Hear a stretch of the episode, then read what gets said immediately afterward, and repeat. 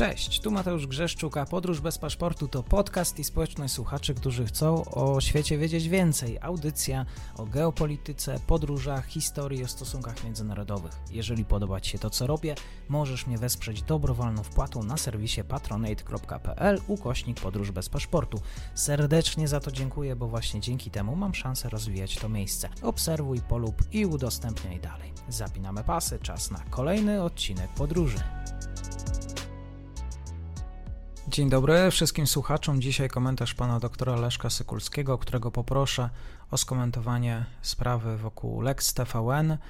Lex TVN, który został przyjęty przez Sejm to również dyskusja o wątku geopolitycznym, o tym wątku polsko-amerykańskim. Dzień dobry panie doktorze, dziękuję za przyjęcie zaproszenia. Dzień dobry panie redaktorze, dzień dobry państwu. Od jakiegoś czasu Polacy obserwują ten sens relacji polsko-amerykańskich. O tym ochłodzeniu właściwie możemy mówić już od samego początku prezydentury Joe Bidena, ale mamy Abramsy po drodze, spotkanie, które się nie odbyło na korytarzu Biden-Duda, w kuluarach e, teraz Lex TVN e, i interwencja grupy Discovery która chce wpłynąć na decyzje rządzących i również doniesienie o tych potencjalnych restrykcjach, które miałyby czekać nas właśnie e, w Waszyngtonie. Kilka takich pomysłów już ma powstać. E, jak możemy wpisać ten wątek TVN-u w te relacje transatlantyckie? Po pierwsze, warto zauważyć, że od początku prezydentury Joe Bidena, czyli od stycznia 2021 roku, mamy do czynienia z bardzo dużym ochłodzeniem relacji wzajemnych,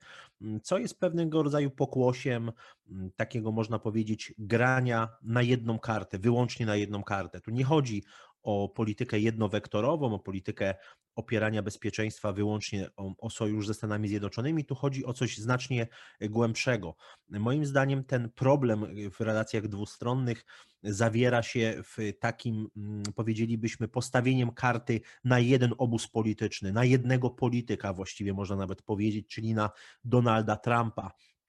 Proszę zauważyć, że mm, polski obóz rządzący właściwie w, swoich, w analizach okołorządowych, w analizach różnego rodzaju ośrodków eksperckich związanych z rządem, finansowanych przez rząd, właściwie nie zakładał innych alternatyw niż tylko zwycięstwo Donalda Trumpa. Mm, wszelkiego rodzaju przypuszczenia, analizy, różne scenariusze alternatywne traktowano z niedowierzaniem, z wielkim, z wielkim dystansem. No i był tutaj rzeczywiście, było tutaj wielkie zaskoczenie w obozie rządzącym, czemu zresztą wyraz mm, czołowi e, politycy tej, e, tej formacji dawali e, w mediach.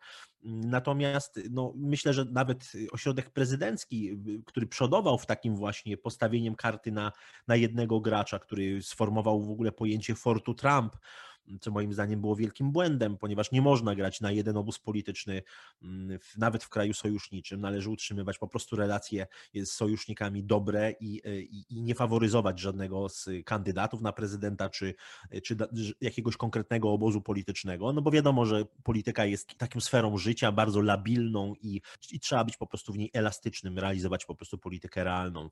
W tym kontekście myślę, że to był, to był taki fundamentalny błąd. Fundamentalny błąd, który daje o sobie znać w takim ogromnym dystansie Partii Demokratycznej, czołowych polityków tej, y, tej formacji w Stanach Zjednoczonych wobec, y, wobec rządu w Polsce. Myślę, że bardzo znamienne były, były, była wypowiedź całkiem niedawna Baracka Obamy, który mówił o problemie z demokracją y, w takich krajach jak Polska czy Węgry.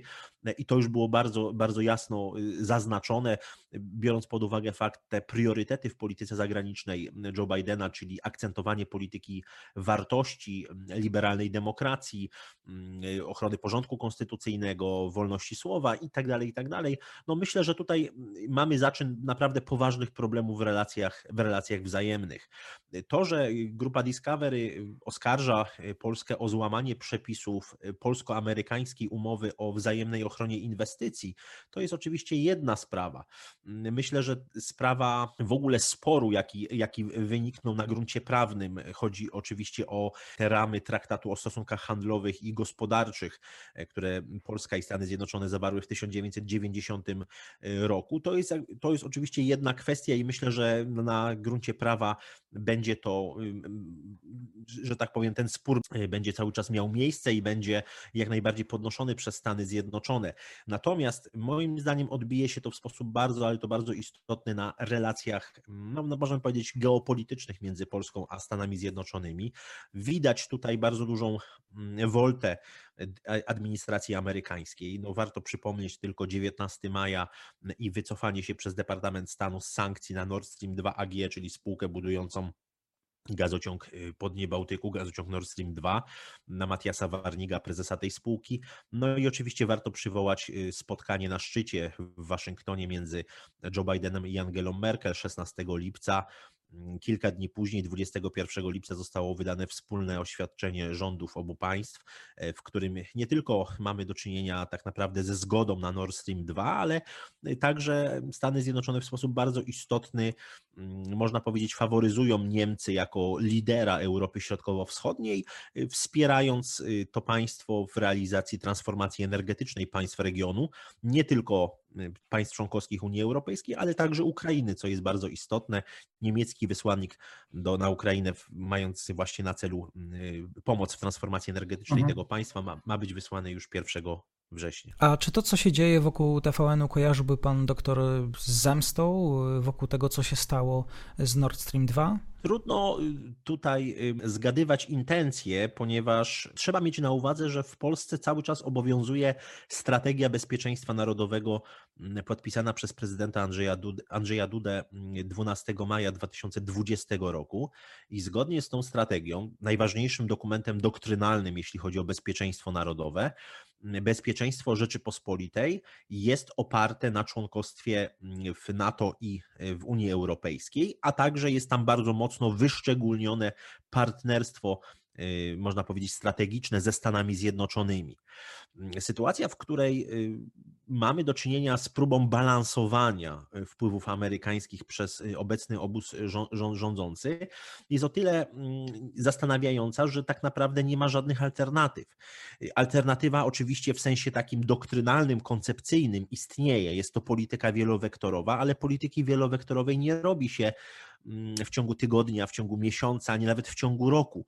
To jest bardzo złożony, głęboki i długotrwały proces tworzenia nowej strategii i y, tworzenia właśnie polityki wielowektorowej. To wymaga wielkiej zręczności dyplomatycznej i no moim zdaniem wysokiej świadomości strategicznej e, elit decyzyjnych. Natomiast na pewno y, polityki wielowektorowej nie tworzy się za pomocą gestów. A myślę, że takim gestem była czy wizyta ministra Zbigniewa Rau mm, w Chinach, czy zakup dronów Bayraktar TB2 mm, w, od Turcji, czy właśnie takie y, uderzenie w interesy gospodarcze mm, Stanów Zjednoczonych w Polsce, co jest odbierane, no, z jednej strony być może przez część obozu rządzącego może być odbierane jako pokazanie, że Polska jest silna i niezależna i że może grać na kilku fortepianach i wcale nie jest taka zależna od Stanów Zjednoczonych, no ale z drugiej strony realia są zupełnie inne i doskonale wiemy, że Mm, Polska w bardzo wielu sektorach, zwłaszcza w sektorze bezpieczeństwa, jest dziś zależna od Stanów Zjednoczonych. I mm, takim moim zdaniem gestem, bo trudno to inaczej nazwać, jak, jak y, przyjęcie tej, tej ustawy medialnej, chociaż przyjęcie, no na razie w Sejmie wiemy do, dobrze, że ona trafi jeszcze do Senatu, w Senacie prawdopodobnie zostanie odrzucona, a odrzucenie mm, tutaj weta senackiego no, będzie wymagało całkiem, całkiem sporego poparcia w Sejmie, więc moim zdaniem ostatecznie ta ustawa nie wejdzie w życie, natomiast y, do tego czasu będzie Polska mm, miała mocno zaostrzone stosunki ze Stanami Zjednoczonymi i nie, y, nie wykluczam, że nowy ambasador Stanów Zjednoczonych w Polsce Mm, pan Mark Brzeziński, bo wszystko wskazuje na to, że jednak Mark Brzeziński zostanie, ma oficjalną nominację. Mm, jeszcze oczywiście jest kwestia y, tego zaakceptowania przez, y, przez Senat, natomiast, y, natomiast myślę, że, że na jesieni Mark Brzeziński przy, przybędzie do Warszawy i będzie ambasadorem Stanów Zjednoczonych w Polsce. Myślę, że Mark Brzeziński będzie prowadził politykę bardzo twardą, bardzo asertywną wobec polskiego rządu, biorąc pod uwagę i jego przeszłość, i na, nawet ten styl, który, który prezentował jako dyplomata pełniąc swoje obowiązki jako ambasador Stanów Zjednoczonych w Szwecji w latach 2011-2015. Sam fakt znajomości języka polskiego, znajomości realiów, zajmował się naukowo kwestiami konstytucyjnymi, jeśli chodzi o Polskę. No myślę, że będzie bardzo, że tak powiem, twardą linię trzymał, jeśli chodzi o kwestie mm, ochrony y, szeroko pojętej wolności słowa, że tak powiem, konstytucji, praw mniejszości, także mniejszości seksualnych. Myślę, że to będzie bardzo twarda linia w tym zakresie i nie wykluczam, że jeżeli chodzi o działania odwetowe ze strony Stanów Zjednoczonych, no można się moim zdaniem spodziewać i wycofania części inwestycji i odmowy sprzedaży czołgów Abrams, a nawet myślę, że jeżeli docelowo Taką opcją, która jest rozważana w Waszyngtonie, która w różnych kołach eksperckich jest dyskutowana obecnie, e, to jest relokacja e, części wojsk amerykańskich z Polski do, inne, do innego państwa mm, wschodniej flanki NATO. No tutaj najczęściej się mówi o Rumunii. Bardzo dziękuję Panie doktorze za to światło na stosunki polsko-amerykańskie. Moim gościem był Pan doktor Leszek Sykulski. Bardzo dziękuję. Dziękuję Panu, dziękuję Państwu.